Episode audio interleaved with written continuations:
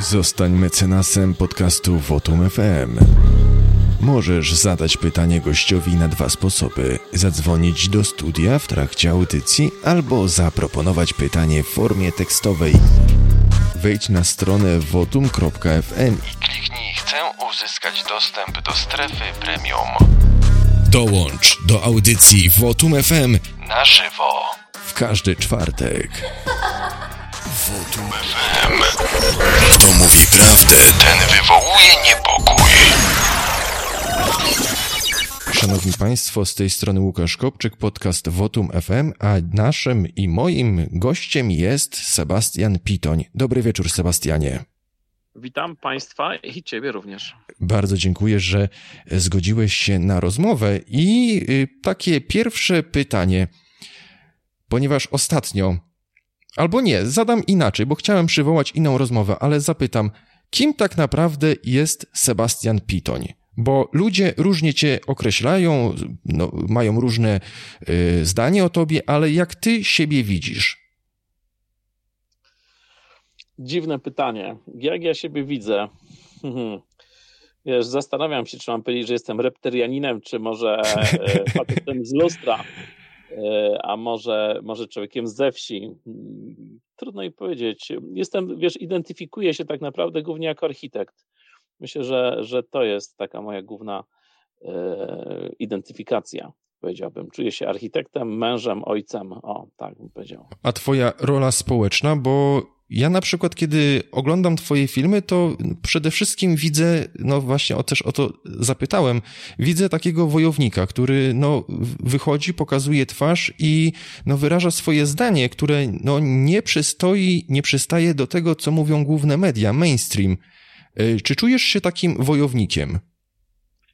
Wiesz co, ja raczej czuję się kimś, kto chciałby kto, kto dostrzegł, że świat jest troszkę zepsuty, tak bym mógł powiedzieć, że trochę nie działa i jako, jako inżynier, jako architekt, jako ktoś, kto wiesz, tworzy pewne rzeczy, chciałbym ten świat po prostu naprawić, tak bym powiedział. Mając dzieci, wiesz, to chciałoby się zostawić po sobie ten świat na tyle dobrze działającym, żeby móc, krótko mówiąc, umrzeć w spokoju. W związku z tym doszedłem do wniosku, że skoro, skoro dostrzegam, że ten świat jest troszkę zepsuty, i dostrzegam, co jest jeszcze ważniejsze, możliwość jego naprawienia, no to się nie będę hamował. Jak więc świat jest zepsuty w Twoich oczach? Bo oczywiście wiemy, jak rzeczywistość wygląda, ale co na pierwszy plan się wysuwa według Ciebie? Wiesz, e, jeśli, jeśli wchodzimy w taki poważny ton, no to ja uważam, że głównym grzechem świata jest to, że jest on w tej chwili, że tak powiem, sterowany przez producentów pustego pieniądza, które są produkowane e, w procederze rezerwy cząstkowej. Mam takie wrażenie, że przez to e, świat nie jest mm, projektowany przez, przez inżynierów, przez artystów, wiesz, przez ludzi kultury, tylko przez złodziei. No i siłą rzeczy ci złodzieje starają się przede wszystkim w tej konstrukcji świata zadbać o to, żeby nie zostali ukarani, czy też żeby ten ich proceder nie wyszedł na jaw, w związku z tym starają się e, wszystkich ludzi ogłupiać, wiesz, e, promują wszystko, co jest marnotrawstwem, po to, żebyśmy się nie mogli za bardzo wzbogacić, ponieważ jakakolwiek wolność, jakakolwiek siła w ludziach stanowi dla nich zagrożenie. No i wydaje mi się, że to jest główny problem. I no, ja oczywiście sam tego nie zmienię, ale wiesz, dostrzegam na horyzoncie pewne procesy, które mogą to zmienić. Jakie to, jak, jakie to są procesy? Przepraszam, że ci wejdę w słowo, ale tak tylko dopytam, żeby nie uciekło. Jakie to są procesy? No, to jest wojna hegemoniczna między wschodem i zachodem. Sporo osób uważa, że ta wojna hegemoniczna nie istnieje, że wschód i zachód są dogadani i że to jest tylko teatr. Natomiast y, ja po jakichś dosyć, wydaje mi się, gruntownych studiach tego tematu y, dochodzę zdecydowanie do wniosku, że ta wojna jest realna, a y, ten świat wschodu, on sobie zdaje sprawę z tego, jak bardzo ważnym elementem jest y, cały ten proceder rezerwy cząstkowej i jak ważnym elementem jest pieniądz. W związku z tym, no, badając strategię walki o hegemonię wschodu, widać, że walka o pieniądz jest tutaj bardzo istotna i że wschód chce wprowadzić pieniądz swój, który będzie pieniądzem dużo twardszym, dużo lepszym, no i ten, ten lepszy wschodni pieniądz, który na jakimś tam etapie zostanie wprowadzony jako pewien standard, do którego trzeba będzie po prostu dorównać, myślę, że, że to spowoduje e, polepszenie stosunków w naszym obszarze, w ogóle w obszarze całego świata, bo jak pisał Ferdynand List w swojej książce Złoty Spisek, pieniądz, który jest uczciwym pieniądzem, który nie jest pieniądzem, wiesz, e, fiat money, pustym pieniądzem kreowanym no, po prostu z powietrza, on tworzy pewną przestrzeń uczciwości w stosunkach gospodarczych. No ja myślę, że, że kiedy dojdziemy do tego wszystkiego, no to będzie dobrze. Wiesz, moją rolą jest tylko zwracanie uwagi, że coś takiego jest i żebyśmy nie byli ostatnim państwem na świecie, który które, które do tego standardu i w ogóle do, do, doszlusuje, tylko jednym z pierwszych. No. Muszę powiedzieć, że ja podzielam Twoją opinię i no, ludzi, którzy mają takie zdanie właśnie, yy, patrzą nieco, da, nieco głębiej, nie zadowalają się tylko tym teatrem, który nam urządzają politycy i finansjera, jak tutaj wspomniałeś, no tacy ludzie, yy, którzy yy, no mają swoje zdanie, są często określani jako ruskimi agentami, onucami i tak dalej. Jak według ciebie reagować w takich sytuacjach? No bo no, jest to jakby nie patrzeć, próba zakrzyczenia y, takich głosów jak na przykład twój. No oczywiście, ja się do tego y, przyzwyczaiłem. W ogóle mnie to nie bulwersuje. Y, raczej ubolewam nad tym, że ten dyskurs w naszym kraju jest właśnie taki, że ktoś, kto ma inne zdanie trochę, to jest od razu etykietowane i to jeszcze w jakiś taki infantylny sposób, no bo przecież używanie epitetu ruska onuca jest przede wszystkim infantylne. No to, to się nie da inaczej określić, to jest głupie infantylne. No bo i to jest troszkę smutne, ponieważ y, ja bym wolał żyć w świecie, w którym ścierają się różne opinie, różne poglądy, można dyskutować, można się zastanawiać, czy aby na pewno mamy rację, starać się falsyfikować też swoje poglądy, żeby wiesz, nie trwać, nie trwać e, w jakimś fałszu. No ale takie bezmyślne e, reagowanie epitetem no jest po prostu słabe, no jest, jest, rozczarowuje mnie. No wolałbym żyć w przestrzeni, w, których, w której takie rzeczy nie mają miejsca. Świat zachodu i wschodu czy jest szansa, żeby w najbliższej przyszłości, w Twojej opinii oczywiście, y, no ten wschód nieco zdominował ten zachód, bo jak spojrzymy za naszą wschodnią granicę, no to zachód atakuje poprzez wojnę na Ukrainie, jakby nie patrzeć. Y, co o tym sądzisz? No, mi się wydaje, że y, przy takiej wojnie jest taka chińska strategia, która mówi, że żeby coś złapać, musisz to najpierw puścić.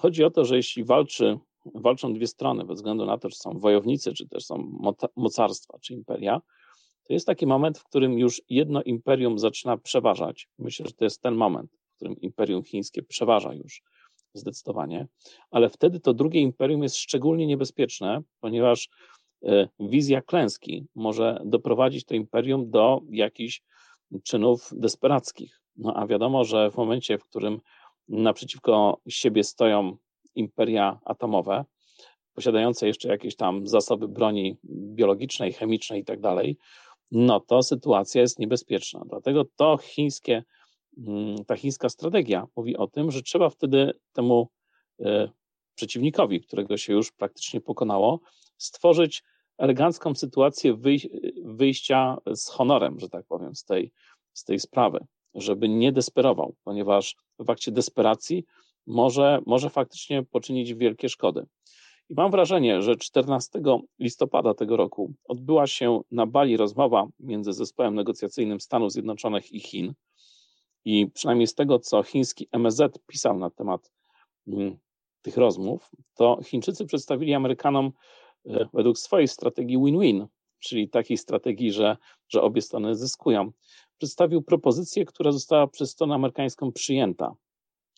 Słowem, znaleziono, znaleziono jakąś, e, jakieś porozumienie, tak można było powiedzieć. W ogóle działania dyplomatyczne, one się zawsze muszą e, zasadzać na bardzo dobrym poznaniu przeciwnika, żeby wiedzieć, jakie cele ma ten przeciwnik, żeby potem można było zaproponować jakieś rozwiązanie, które jest dla tej drugiej strony po prostu akceptowalne.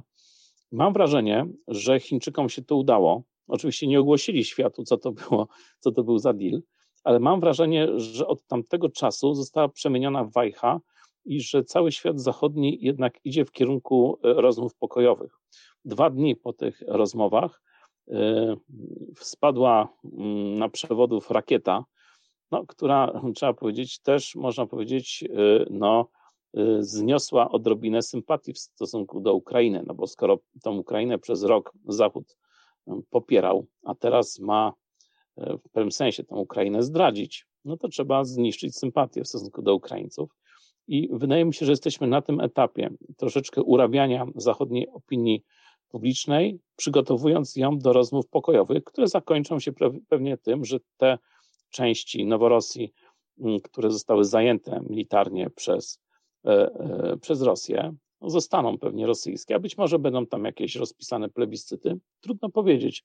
W każdym razie z pewnością ta wojna nie zakończy się triumfalnym zwycięstwem Ukrainy i na to opinię publiczną trzeba przygotować. I tyle, ale tak naprawdę jest to dobra wiadomość, ponieważ eskalacja i przedłużanie się tej wojny no jest rzeczą po prostu bardzo niebezpieczną. Według Ciebie, czy państwo polskie miało udział w tej, jak się domyślamy, ustawce, jeżeli chodzi o atak rakietowy ze strony Ukrainy na Polskę? Trudno im powiedzieć. Wydaje mi się, że państwo polskie nie jest, nie posiada y, jakiejś, jakiegoś sprawstwa w ogóle w tego rodzaju y, rzeczach. Myślę, że jest bardziej obserwatorem i wykonawcą poleceń. Tak sobie to wyobrażam. Y, no i cóż mogę powiedzieć? Mm, wydaje mi się, że cała ta akcja tak sobie wyobrażam, że no kto ma sprawstwo na terenie y, Ukrainy? No przede wszystkim Stany Zjednoczone, prawda? Oni tam pociągają za sznurki najbardziej. Więc sobie to tak wyobrażam, że Stany Zjednoczone kazały e, wypuścić rakietę na Polskę po to, żeby, żeby skompromitować troszeczkę Ukraińców w oczach Zachodu przede wszystkim. No bo tu się okazuje, że Wołodymir Żołański stawia praktycznie świat przed widmem bomb, wojny atomowej, czyli jakiegoś kom, kompletnego kataklizmu. Jeszcze tam mm, cały czas odbywał się szczyt G20 na Bali i Władimir Żałański, e, to był zdaje się chyba 16 mm, listopada, przemówił tam przez jakieś, jakieś internetowe połączenie, mówiąc, że no właśnie Rosjanie zbombardowali Polskę, zaatakowali kraj NATO i należałoby odpowiedzieć. No, Solen zrobił taką panikę, starał się yy, słownie przynajmniej doprowadzić do sytuacji, żeby niby tam kraje Zachodu się zdenerwowały, jakoś odpowiedziały na tą rzekomą agresję. Słowem to było mocno kompromitujące dla strony ukraińskiej, no bo pokazywały, no przynajmniej zachodnie agencje e, informacyjne przedstawiły to w taki sposób, że Ukraina e, dla swoich e, interesów jest w stanie wywołać trzecią wojnę światową, i to jeszcze nuklearną. W związku z tym, no, wydaje mi się, że teraz jest sytuacja kompromitująca troszkę Ukrainę. Ursula von der Leyen powiedziała, że 100 tysięcy ponad Ukraińców zginęło na tej wojnie i tak dalej, i tak dalej. Dementi było śmieszne, bo jakiś minister ukraiński powiedział, że nie wolno takich danych podawać, bo to są dane wrażliwe i oficjalnie mówimy, że tylko 10 tysięcy. No to, to takie dementi, powiedziałem, słabe. Tak czy inaczej, to co jest ciekawe w tym wszystkim, że, że Chińczycy znaleźli sposób dotarcia i porozumienia się ze stroną amerykańską. Czy to jest trwałe e, porozumienie, czy to jest tylko taktyka ze strony amerykańskiej, szukanie jakiegoś, jakiegoś czasu, no to czas pokaże. Ale tak czy inaczej, bardzo, bardzo mnie cieszy, że ta wojna hegemoniczna, której jesteśmy świadkami, a uważam, że jesteśmy świadkami wojny hegemonicznej między Chinami zachodnią banksterką, no bo tutaj trudno powiedzieć, że Stany Zjednoczone też są, można powiedzieć, ofiarami tej banksterki. Widzimy zresztą po problemach wewnętrznych Stanów Zjednoczonych. Otóż, że ta wojna nie przybiera takiego kształtu jak pierwsza czy druga wojna światowa, tylko jest prowadzona w taki sposób mocno dyplomatyczny. I chwała Bogu, no bo przy dzisiejszych środkach rażenia, że tak powiem, dynamiczna wojna mocarstw, no to byłaby dla ludności masakra kompletna. A w ten sposób, no to bardziej ta wojna ma wyraz informacyjny. Oczywiście są ogniska tej wojny dynamicznej, jak chociażby chociażby ta wojna na Ukrainie. No ale jeśli, jeśli w tej chwili w tej wojnie zginęło około, nie wiem, 200 tysięcy ludzi, no to chciałem powiedzieć, że to jest tyle samo, ile zginęło podczas kampanii wrześniowej, która trwała niecały miesiąc. Słowem, nie jest to wojna jakaś, jakaś szczególnie krwawa, na szczęście. Mówisz o Chinach, ale no, patrzymy w telewizor, w gazety, w internet i Rosja walczy oficjalnie z Ukrainą, chociaż wiemy, że no, za Ukrainą stoi cały Zachód lub prawie cały Zachód. Y, więc y, czy za Rosją stoją Chiny? Jak to w ogóle połączyć? Czy, bo chciałbym to zrozumieć, ale też, żeby nasi słuchacze to zrozumieli, bo to, co mówisz, no nie jest niestety takie oczywiste, tak? No w mediach słyszymy całkowicie coś innego. Rosja, Ukraina, NATO wspierający Ukrainę, ale o Chinach nikt nie mówi. No, Chińczycy dosyć tak powiedziałem, subtelnie rozgrywają tą partię Go. E, I no, układ jest taki, że są dwa, można powiedzieć, bloki i dwa, e, dwie koncepcje świata. Pierwszy świat to jest ten New World Order, czy Agenda 2030, czy Wielki Reset, czy, czy Światowy Rząd. No w każdym razie wszystkie te pomysły, które ostatnio dosyć dobrze poznaliśmy, e, wszystkie te mm, kapitalizmy, E, kapitalizmy, jak one się tam nazywają.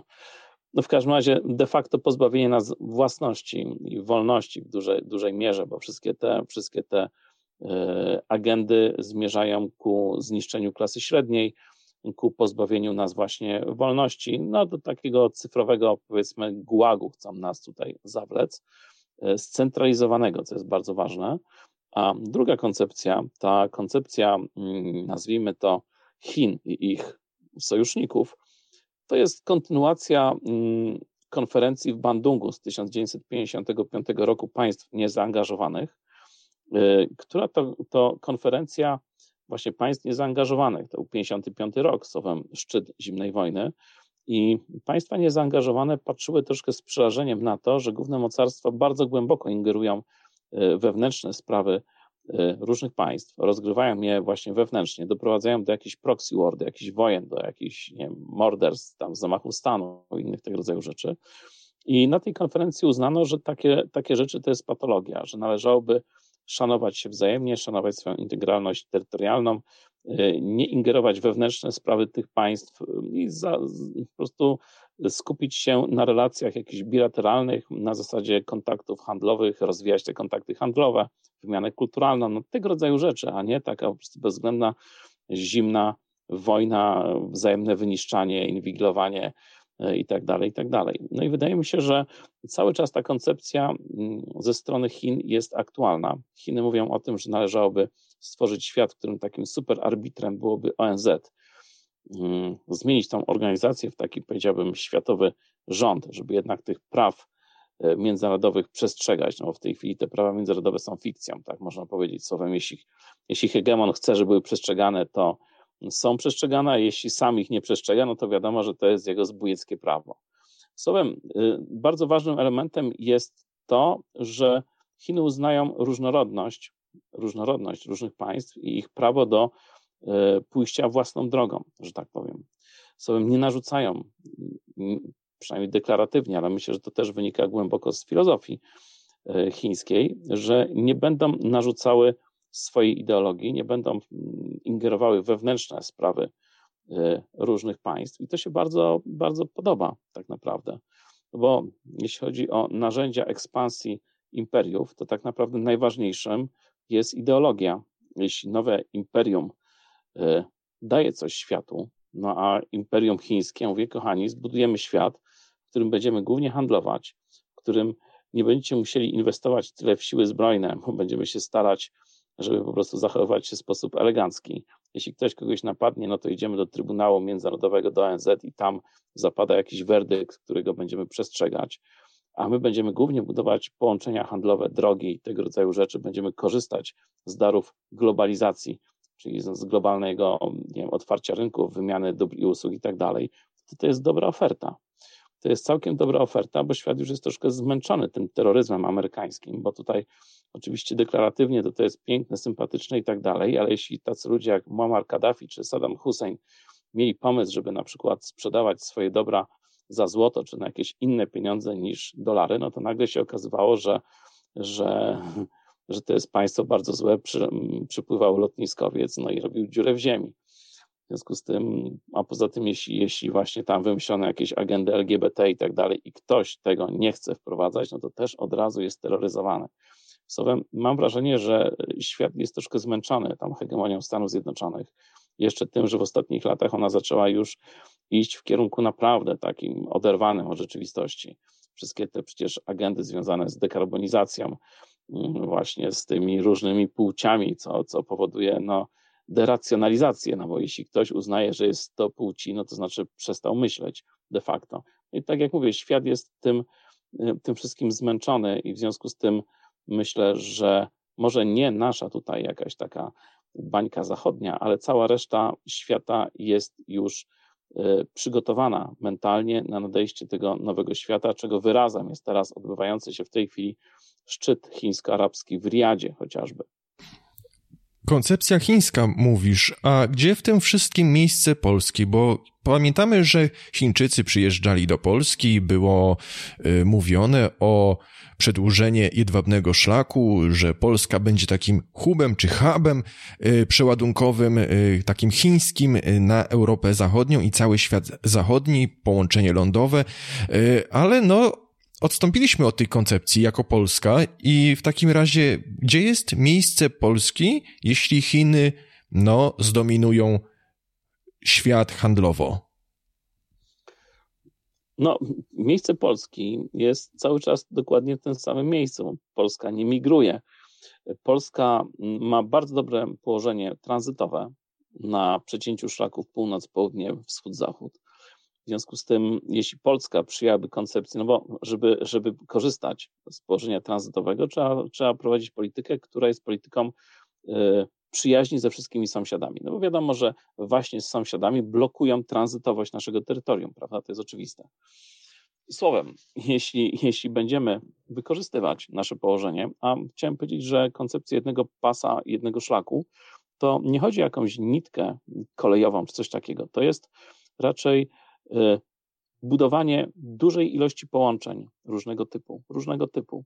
Chodzi o to, żeby tą światową wyspę, jaką jest Europa, Azja i Afryka, czyli można powiedzieć miejsce, gdzie mieszka absolutna większość ludzi, żeby wykorzystać jej potencjał, bo zwróćmy uwagę, że w tej chwili jest tak, że jest Europa, która jest jakoś tam wykorzystana, jest Daleki Wschód, który jest wykorzystany, ale całe te gigantyczne przestrzenie Azji Środkowej czy Afryki, no to jest tak troszeczkę Y, no, można powiedzieć, zacofana dosyć mocno przestrzeń. No i Chińczycy chcieliby wykorzystać potencjał tych wszystkich mm, kultur, cywilizacji, które są dosyć stare. No musimy sobie zdawać sprawę, że cywilizacja arabska, kraje arabskie, czyli tutaj kraje Magrebu, Afryki Północnej i Bliskiego Wschodu, no to kiedyś to była jednak y, dosyć wysoka kultura. No to oni wymyślili mm, cyfry arabskie, prawda, które pozwoliły rozwinąć arytmetykę, no bo gdyby, gdybyśmy używali cyfr rzymskich, no to one były, układ zapisu mm, rzymskiego absolutnie blokował rozwój, rozwój matematyki, co za tym idzie, jakichś nauk ścisłych. Mm, słowem, w tych, tej swojej narracji Chińczycy też się odwołują do tego, że Arabowie są starożytną cywilizacją. Zresztą rozmawiając z Grekami czy, czy y, z Włochami, też, też cały czas tutaj grają na tej nucie, że jesteśmy reprezentantami jakiejś starej cywilizacji i w związku z tym musimy przejąć odpowiedzialność za harmonijny rozwój świata. Przypuszczam, że pijąc troszeczkę do Amerykanów, którzy na tle tych starożytnych cywilizacji są jednak mm, państwem stosunkowo młodym. E, że tak powiem, nie wiem w tej swojej dygresji, czy się nie zapędziła już Zapomniałem, jakie było pytanie. Y, pytałem, gdzie jest miejsce Polski i odpowiedziałeś, że miejsce Polski jest tam, gdzie zawsze, bo Polska nie migruje. No tu, jeszcze, tu jeszcze w takim razie uzupełnię tę swoją o, odpowiedź o to, że Polska jest jednym e, z państw Europy, które jest, można powiedzieć, spadkobiercą cywilizacji łacińskiej. I myślę, że to jest szczególnie istotne w tym nowym, bardzo dynamicznie rozwijającym się świecie, ponieważ cywilizacja łacińska e, odwołuje się do takich elementów jak prawda. Prawda z kolei jest bardzo ważnym elementem w nauce, no bo nauka jest poszukiwaniem prawdy. Trzeba, żeby tą prawdę poszukiwać, trzeba być odważnym, trzeba czasami e, falsyfikować jakieś zastane twierdzenia, e, podważać to, co już jest uświęcone i tak dalej, i tak dalej. Słowem wymaga pewnej odwagi, pewnych szczególnych cech charakteru a świat jest dynamiczny. Świat potrzebuje ludzi kreatywnych, ludzi nowatorskich. Chińczycy mają z tym pewien problem, ponieważ u nich hierarchia jest bardzo ważna.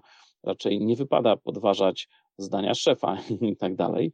Słowem, wydaje mi się, że w tym nowym świecie, w którym Azja będzie grać jakieś tam pierwsze skrzypce jednak, no to tutaj Europejczycy z tą swoją odwagą, z tym swoim etosem prawdy, a zwłaszcza my, Polacy, którzy jeszcze nie, nie straciliśmy tego w takim stopniu jak Europejczycy zachodni, bo u nich wydaje mi się, te różne procesy spowodowały, że u nich już ta racjonalność myślenia i ten etos prawdy jako takiego pewnego mitu, do, dążenia do tego, żeby opis był zgodny z stanem istniejącym, żeby nie bujać w obłokach, tylko jednak obiektywnie, obiektywnie spojrzeć na problem, więc nam to daje pewne, pewne przody w tej nowej rzeczywistości. Jeśli udałoby się nam przejąć kontrolę nad tym państwem i iść w kierunku rozwijania tych naszych cnót związanych właśnie z tymi motywacjami poznawczymi, y, no to moglibyśmy być takim krajem, który byłby krajem właśnie wynalazców, projektantów, y,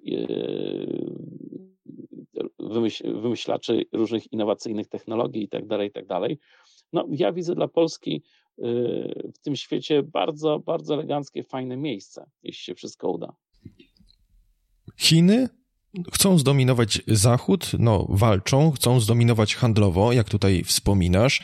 Y, też przywołałeś cywilizację łacińską, że może być takim wspornikiem, takim no takim e, fundamentem e, w walce e, z Chinami, z, tym, z tą cywilizacją Dalekiego Wschodu, ale Chiny no, nie pozostają dłużne i próbują tę cywilizację łacińską, te wszystkie nasze zasady rozmyć i na przykład no, zdominować, rozłożyć moralnie Zachód i robią to na przykład w mojej ocenie Y, za pomocą aplikacji TikTok, gdzie u nich y, tam są zakazy, nie można publikować różnych rzeczy, promować homoseksualizmu, LGBT, sodomii i tak dalej, dalej, e, ale na zachodzie jest to wszystko dostępne, jak najbardziej promowane, e, nie można tylko na, na TikToku mówić o e, znanej przypadłości, która ogarnęła rzekomo cały świat.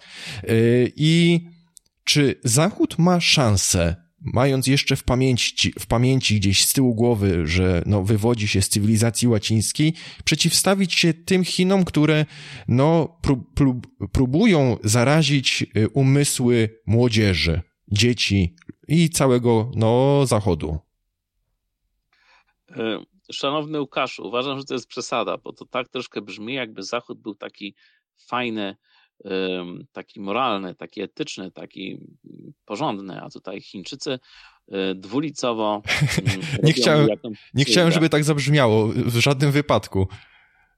Y, ja mam wrażenie, ja mam wrażenie, że, y, że Chińczykom nie zależy na demoralizacji Zachodu, natomiast oni po prostu chcieli, żeby ten ich TikTok zdobył jak najszerszą popularność na Zachodzie. W związku z tym dopasowali się do istniejących trendów a ze względu na to, że u nich takie rzeczy są niedozwolone i raczej mało akceptowalne, no to u nich wygląda to inaczej, bo ja raczej nie znajduję, nie znajduję y, powodów, dla których Chińczycy mieliby demoralizować Zachód.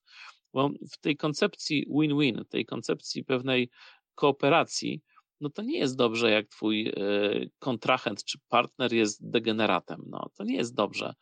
Y, w związku z tym, moim zdaniem, jest to raczej próba zawładnięcia pewną częścią e, tej infosfery. Natomiast, tak jak mówię, profil tego zachodniego TikToka jest skonstruowany w ten sposób, żeby zdobyć jak, jak największą część tej przestrzeni. A że to w, na zachodzie, no to, no to są takie treści, jakie są najbardziej popularne. Tak jak mówię, nie widzę za Mm, główną różnicą, jeśli chodzi o kontakty ze światem zewnętrznym Chin, jest przyjmowanie y, zasady win-win, a nie gry o sumie zero. Y, Zachód praktycznie opiera się wszędzie o grę o sumie zero. Krótko mówiąc, jeśli ja coś zyskuję, to ty coś tracisz. W związku z tym możemy się spotkać w takim momencie jakimś tam gdzie ja w miarę zyskuję i trochę tylko tracę, a ty troszkę też zyskujesz i troszkę tracisz. Natomiast na tym polega ta filozofia. Natomiast Chińczycy uważają, że wchodzenie w interakcję z drugą osobą powinno dla obu tych osób być po prostu korzystne. Y, w związku z tym nie ma potrzeby, żeby wiesz, no wyobraź sobie, że współpracujesz z kimś, komu podzlecasz jakąś część pracy. No to oczywiście teoretycznie możesz go uzależnić od narkotyków, rozpić i tak dalej, on wtedy będzie głupszy, będzie od ciebie, wiesz, bardziej zależny, będzie można mu mniej płacić i tak dalej, bardziej nim poniewierać, ale per saldo będzie gorszym współpracownikiem.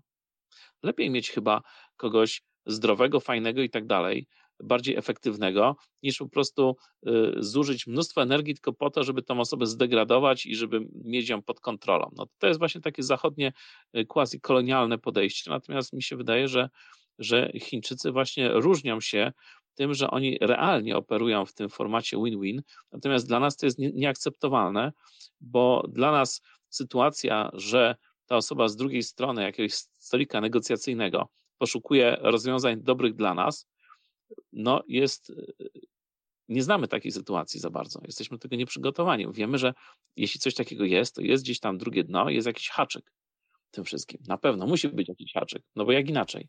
Bardzo ciekawe, bardzo ciekawe spojrzenie, nie, nie ukrywam, y, jestem zaskoczony takim spojrzeniem, no bo tutaj, no masz rację, y, odezwało się we mnie myślenie y, typu kolonialnego, jakby nie patrzeć, próby dominacji, ale to w takim razie, czy Zachód jest, part, w twojej ocenie, czy Zachód jest partnerem skoro jest tak podatny na tę de degrengoladę, no i nie jest otwarty na jakieś, yy, no, no, takie zasady moralne, tylko się poddaje, że to płci, tak, i tak dalej, i tak dalej, brnie w to wszystko.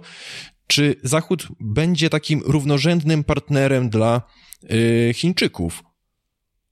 No, ja myślę, że to jest problem Zachodu, bo w tej filozofii chińskiej to jest to wewnętrzna sprawa Zachodu, co oni ze sobą zrobią. Świat, jest świat arabski, jest tam świat pewnie jakichś, jakichś Persów, innych kultur różnego typu, mm, mnóstwo różnych kultur mm, azjatyckich i tak dalej, i tak dalej. I po prostu Chińczycy przyjęli taką zasadę, że ich nie interesuje to, y, czy, czy te kraje będą y, działać lepiej, czy, czy, czy gorzej. One się skoncentrują po prostu na tym, żeby tworzyć z nimi pewnego rodzaju właśnie mm, połączenia win-win, żeby się zorientować, w jakiej sferze z danym krajem można tego rodzaju e, relacje nawiązać. A to, czy, czy te kraje w cudzysłowie przepiją wszystkie te korzyści, prawda, i się zdegenerują, czy też pójdą w kierunku jakiegoś racjonalnego, jakiejś racjonalnej modernizacji, no to to już no, nie będą ich za uszy wyciągać. To już jest ich wewnętrzna sprawa. Jeśli się zdegradujemy i szlak nas trafi, to trudno, jest to nasza sprawa. Y, przypuszczam, że będzie im trochę smutno, ale, ale no nie będą tutaj tworzyć krucjat odnowy moralnej. No. Rozumiem. No, muszę ci przyznać rację. To ma ręce i nogi, nie ukrywam. E, ale skoro jesteśmy już przy takich e, rzeczach e, związanych z moralnością, przy tematach związanych z moralnością, z cywilizacją łacińską, to właśnie o tym chciałem wspomnieć na samym początku i teraz przywołam ten fragment rozmowy, ponieważ ostatnio, fragment rozmowy z Sebastianem Rossem, bo ostatnio, kiedy rozmawiałem z Sebastianem Rossem tydzień temu, też w czwartek, Sebastian Sebastian powiedział, że kiedy ty go odwiedziłeś, to y, no, y, zaistniała taka sytuacja, że musiałeś popracować jeszcze na komputerze za pomocą komputera, a wszyscy gdzieś tam wyjeżdżali i złożyło się tak, że miałeś zostać sam na sam z żoną y, Sebastiana Rossa i ty do niego podszedłeś i zapytałeś, czy nie ma nic przeciwko te, temu, żebyś no, był razem z jego żoną sam na sam w, w domu, w mieszkaniu. I teraz szereg pytań z mojej strony. Po pierwsze, skąd takie podejście? Bo dzisiaj to jest mało spotykane podejście. Wiesz co, nie pamiętam tej sytuacji, szczerze mówiąc, ale rozbawiło mnie.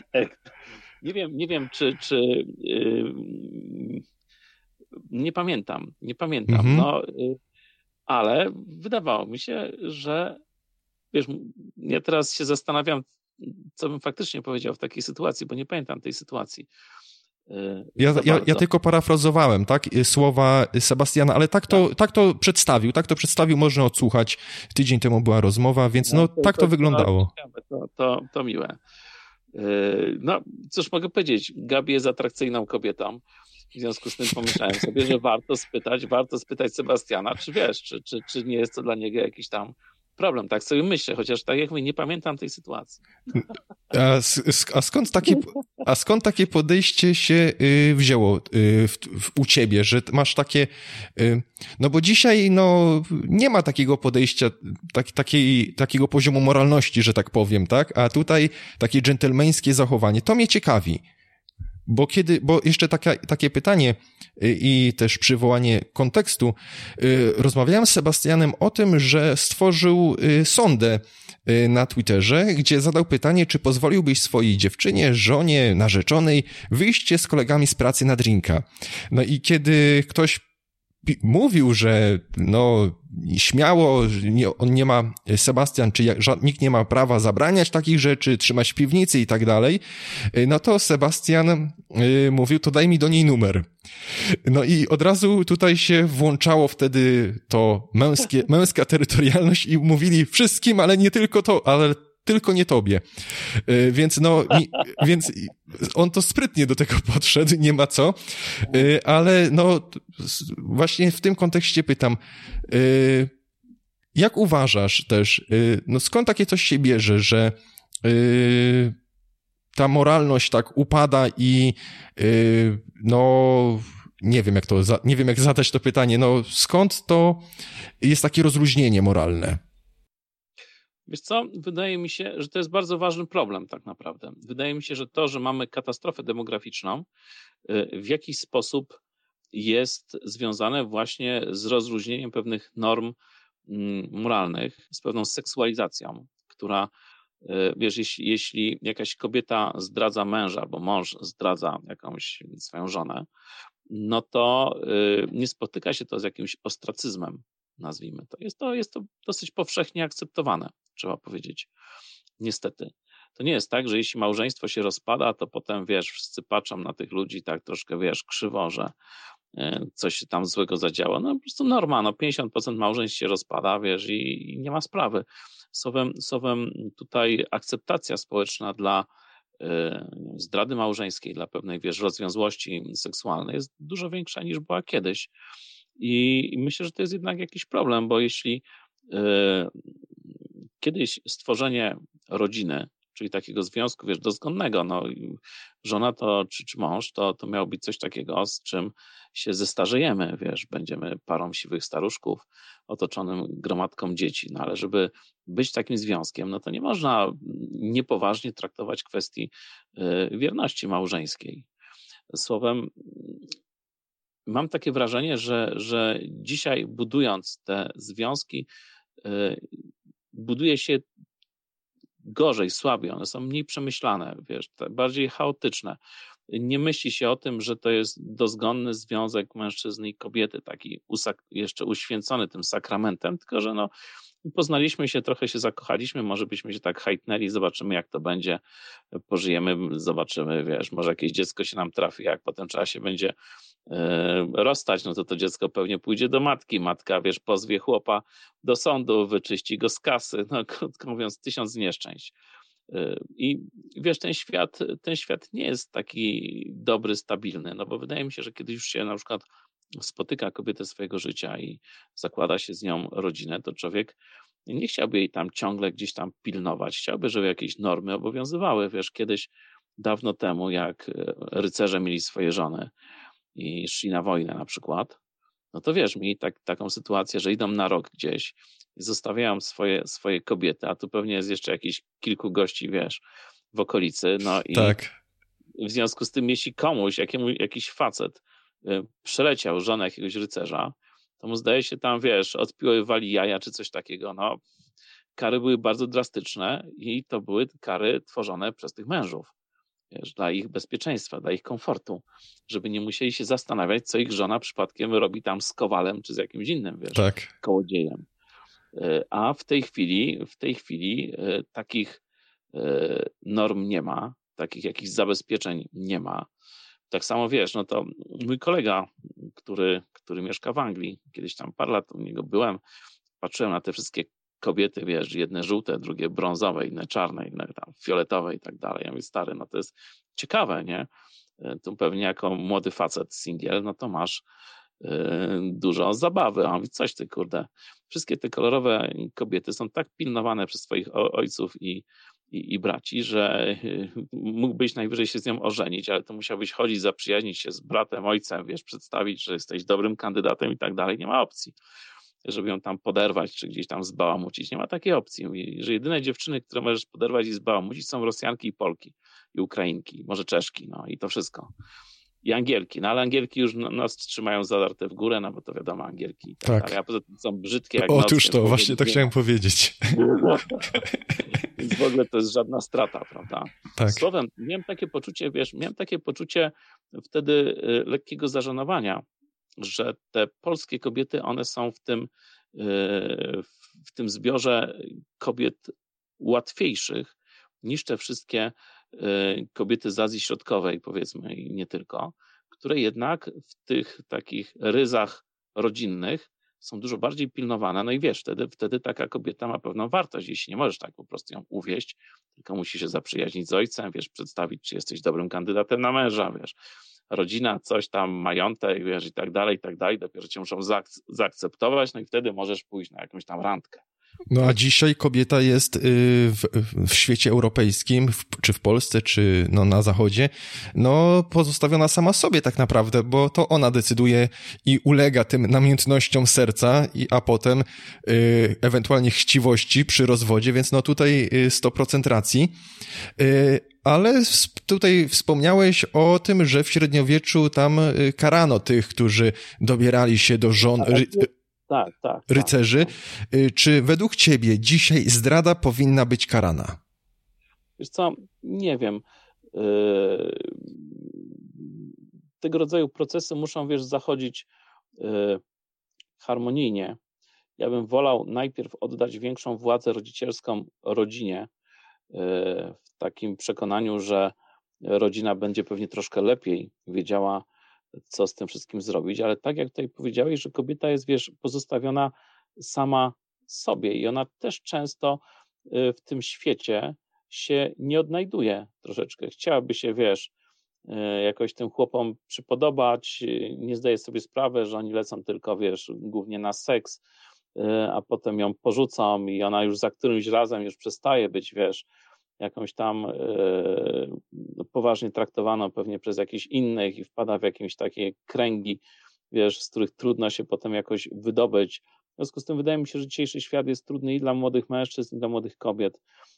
Pozbawieni tego, mm, tej mądrości troszkę wynikającej z jakiegoś takiego, wiesz, cyklu yy, z ojca na syna, prawda, że tam wielopokoleniowa rodzina, jakaś mądrość czy coś takiego, no to faktycznie to, to się kończy tym, że te wszystkie małżeństwa się rozpadają, że nie przytrzymują próby czasu, że są jakoś tam wiązane w sposób e, chaotyczny, nieprzemyślany. No i dzięki temu mamy katastrofę demograficzną, wiesz, no ludzie przestali, ludzie zachodu przestali się rozmnażać, no i to jest, to jest, wiesz, gorsze od wojny. E, to prawda, y, bo tak tylko taka y, refleksja z mojej strony, spostrzeżenie. Kiedy kobieta y, się zakochuje, no to ona chce tę miłość udowodnić i wiemy, co robi z mężczyzną. Y, ty pewnie użyjesz dosadniejszego języka. Y, I potem, no, za którymś razem ona już nie jest tak atrakcyjna dla kolejnego mężczyzny, ale też jest wybredniejsza, tak? No bo wie, czego chce i tak dalej. Więc no, tutaj 100% racji. To tutaj odwołujesz się do tego, żeby przekazać władzę, większą władzę rodzicielską, y, znaczy, no, y, zwiększyć tę władzę rodzicielską, y, a to się wiąże na przykład z edukacją domową, która, jak wiem, jest ci, jest ci bliska, ale no, jak coś takiego wygląda, taka edukacja domowa? Tak w skrócie, bo główny zarzut tych wszystkich zwolenników publicznej edukacji i tego no, rozpasania moralnego, to jest to, że dzieci będą odosobnione od reszty rówieśników. Jak to wygląda w rzeczywistości edukacja domowa? No właśnie, edukacja domowa to jest przejęcie odpowiedzialności za dziecko, bo my i tak jesteśmy za nie odpowiedzialni, tylko cedujemy tę odpowiedzialność, czy raczej proces wychowania na szkołę, ale potem ten system wypluwa nam takie dziecko w wieku powiedzmy 23 czy tam 5 lat. Na ogół jest to dziecko, które już kompletnie z nami nie potrafi rozmawiać. Dziecko, które sobie nie radzi w życiu, jakoś już jest ukształtowane według, według tego, co państwo chciało ukształtować, ale to jest ciągle nasze dziecko. Ciągle jego klęski są naszymi klęskami, jego y, jakieś tam sukcesy naszymi sukcesami. Problem polega na tym, że ten system edukacji państwowej, on nie czyni z tego dziecka y, na ogół Y, kogoś, kto na przykład mógłby założyć szczęśliwą rodzinę. On raczej jest produktem, który ma pracować w jakiejś korpo czy w czymś takim, a o rodzinie to w ogóle nie będzie myślał. W związku z tym rodzice są mm, niby na początku ucieszeni w niektórych przypadkach, że o, jest trochę samodzielny, to nie jest źle, skończył szkołę, ma dyplom mm, i tak dalej, i tak dalej. Natomiast w pewnym momencie okazuje się, że do takiego życia, w którym jednak fundamentem, pewnym takim kośćcem jest szczęśliwa rodzina i miłość, jaką się znajduje w tej rodzinie, yy, ojcostwo, macierzyństwo i tak dalej, i tak że to w ogóle jest wygórowane, wyrugowane, przepraszam, yy, z tych naszych pociech, a my cały czas jesteśmy za nich odpowiedzialni. W związku z tym idea edukacji domowej polega na tym, że po prostu bierzemy byka za rogi, mówimy tak, to jest nasza odpowiedzialność to jest nasze dziecko. My będziemy starać się ukształtować je według e, swojego rozumu, według swoich możliwości. Będziemy ponosić odpowiedzialność za klęski, ale też powiedzmy, e, będziemy cieszyć się sukcesami, ale będziemy mieć całą kontrolę nad tym. To nie jest tak, że raz na pół roku idziemy na wywiadówkę, tam się okazuje, że tam pała z matmy czy coś tam, tylko nie, każdego dnia będziemy mogli to dziecko obserwować, patrzeć, czy, mu, czy bardziej w lewo, czy bardziej w prawo, że potrzeba może tego, może tamtego. No i dzięki temu przede wszystkim skonstruujemy relacje z tym dzieckiem. W związku z tym będziemy mogli o różnych problemach z nim rozmawiać. Ono się nie będzie zamykać w pewnych rzeczach. Takie pozornie wstydliwe tematy, jak właśnie relacje damsko-męskie, czy właśnie kwestia założenia rodziny i tak dalej, i tak dalej, to będą tematy poruszane przy, przy nie wiem, stole, czy przy innych rozmowach. To nie jest tak, że, że będziemy takich tematów unikać życiowych, no bo jeśli uznajemy, że właśnie znalezienie sobie tej drugiej połówki e, i zbudowanie rodziny i bycie potem odpowiedzialnym ojcem, czy też matką i tak dalej, to jest ważna rzecz, no to to, to jest element naszego życia, naszych rozmów, e, wymieniania się doświadczeniami. I w ten sposób taki rodzic edukacji domowej przynajmniej wie, na czym stoi w danej chwili, wie, co jeszcze musi zrobić, czego brakuje tego, te, temu potomstwu, krótko mówiąc, temu synowi czy córce, że tutaj tu mamy jeszcze deficyty w tym, a tu jesteśmy dobrzy w tym, więc musimy popracować nad tym i jeszcze być może nad tamtym i tak dalej, i tak dalej. No mamy kontrolę nad tym procesem wychowania, natomiast kiedy dziecko idzie do szkoły, kontrolę nad tym procesem całkowicie tracimy. Całkowicie to jest może za dużo powiedziane, ale bardzo mocno. Natomiast ten mit o socjalizacji, o tym, że grupa rówieśnicza bardzo jest niezbędna, to jest oczywiście mit, bo w życiu dorosłym nie przebywamy w grupie rówieśniczej. Natomiast w edukacji domowej dzieci na ogół jeżdżą na jakieś obozy, yy, tu i ówdzie, można je zapisywać na różne zajęcia pozlekcyjne, przecież tak jak normalnie, oni się spotykają z rówieśnikami. Problem polega na tym, że na ogół dzieci z edukacji domowej yy, są dużo bardziej, mm, można powiedzieć, dojrzałe emocjonalnie od swoich rówieśników. W związku z tym, jeśli zdarza im się czasami przy jakichś zajęciach pozlekcyjnych trafić na grupę rówieśniczą jeszcze z, z jakiejś szkoły, no to oni się faktycznie w takiej grupie rówieśniczą nie, nie odnajdują, no bo, no bo tu są, jest, jest pewna przepaść intelektualna. Natomiast już, jeśli, jeśli są to jakieś obozy dzieci z edukacji domowej, to wtedy nie ma problemu. Wtedy te, te, dzieci świetnie się tam odnajdują, nie mają żadnych barier. Nie są to dzieci, nie wiem, z piwnicy, które na widok drugiego człowieka, prawda, uciekają. Poza tym takie dzieci mają dużo bardziej otwarty sposób komunikowania się z ludźmi starszymi, czy też z ludźmi młodszymi. Grupa, gru, grupa rówieśnicza działa w ten sposób, że ze starszymi nie rozmawiamy, bo to, bo to nie wypada, a z młodszymi ani tyle, no bo to są głupki młodsze, no to nie wypada. Natomiast normalny człowiek, kiedy widzi kogoś młodszego, to stara się brać odpowiedzialność za tą młodszą osobę, a z kolei jeśli widzi kogoś starszego, no to może się od tej starszej osoby czegoś nauczyć. I w związku z tym taka grupa mieszana, dla dziecka jest dużo lepsza do rozwoju niż po prostu banda, nie wiem, 20 rówieśników, którzy są tak samo głupi jak, jak on. Jedyne, co mogą zrobić, to go lekko zdemoralizować na dobrą sprawę i nic więcej. No, uważam tak samo, więc tutaj nawet y, nie będę o nic dopytywał, bo chyba całkowicie tak w skrócie ująłeś cały temat i bardzo fajnie, że poruszyłeś tę kwestię y, socjalizacji i mieszania się wiekowego, no bo dzięki temu y, te dzieci inaczej całkowicie się rozwijają. Zmierzając do końca y, naszej rozmowy, no, jeszcze tak w nawiązaniu do tej edukacji domowej, no, uczą się jedni od drugich y, i dzięki temu też y, są w stanie stawać się lepszymi w różnych dziedzinach, doskonali swoje talenty. I właśnie o talenty mam pytanie i też umiejętności, twoje umiejętności, ponieważ jedna ze słuchaczek podcastu Votum FM, którą znasz osobiście i z którą zmierzyłeś się, no, na gokartowym torze, ma do ciebie pytanie.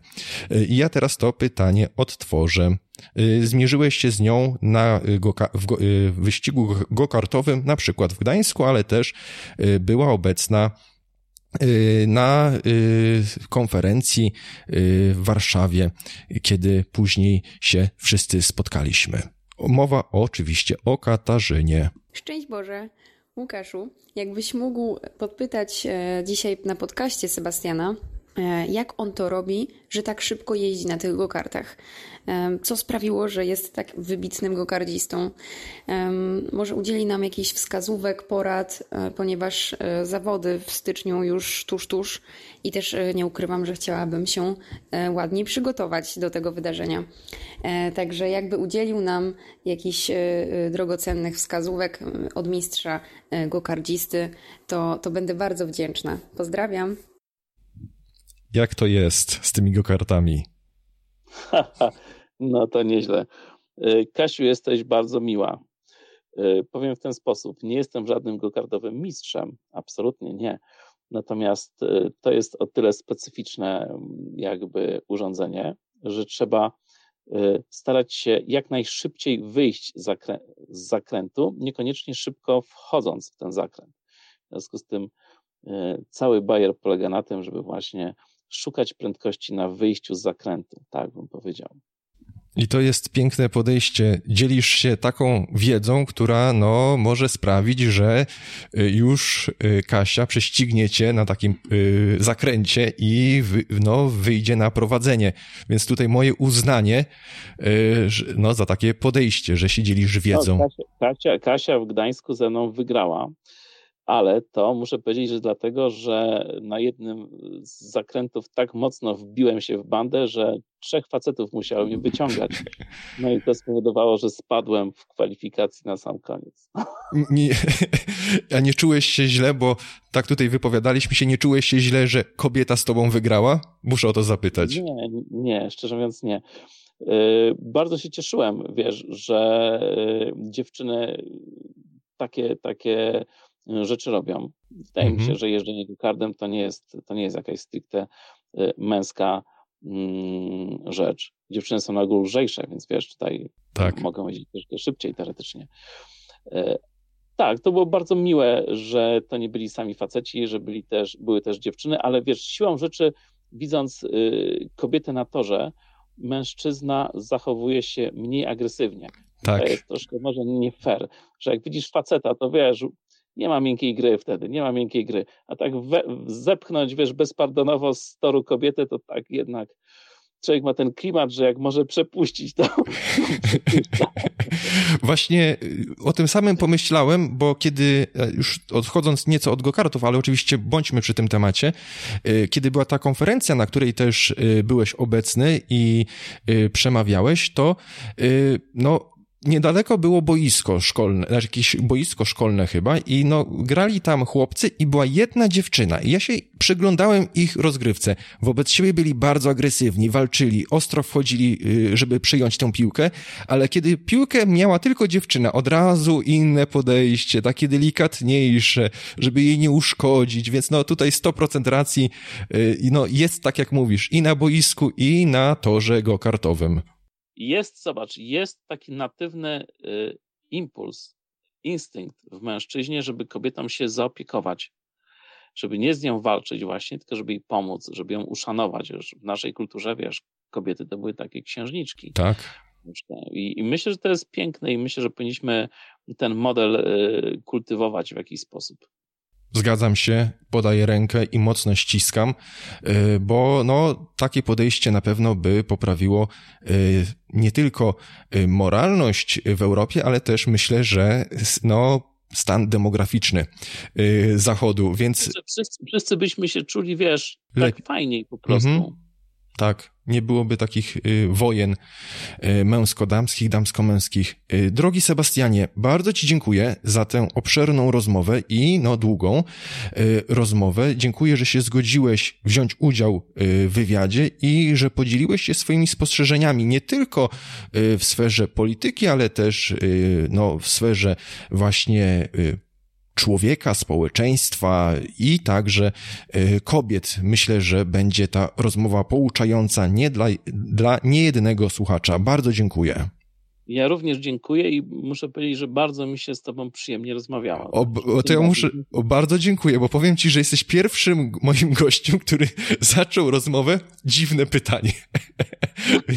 Ale to pomyślałem od razu, to jest piękne.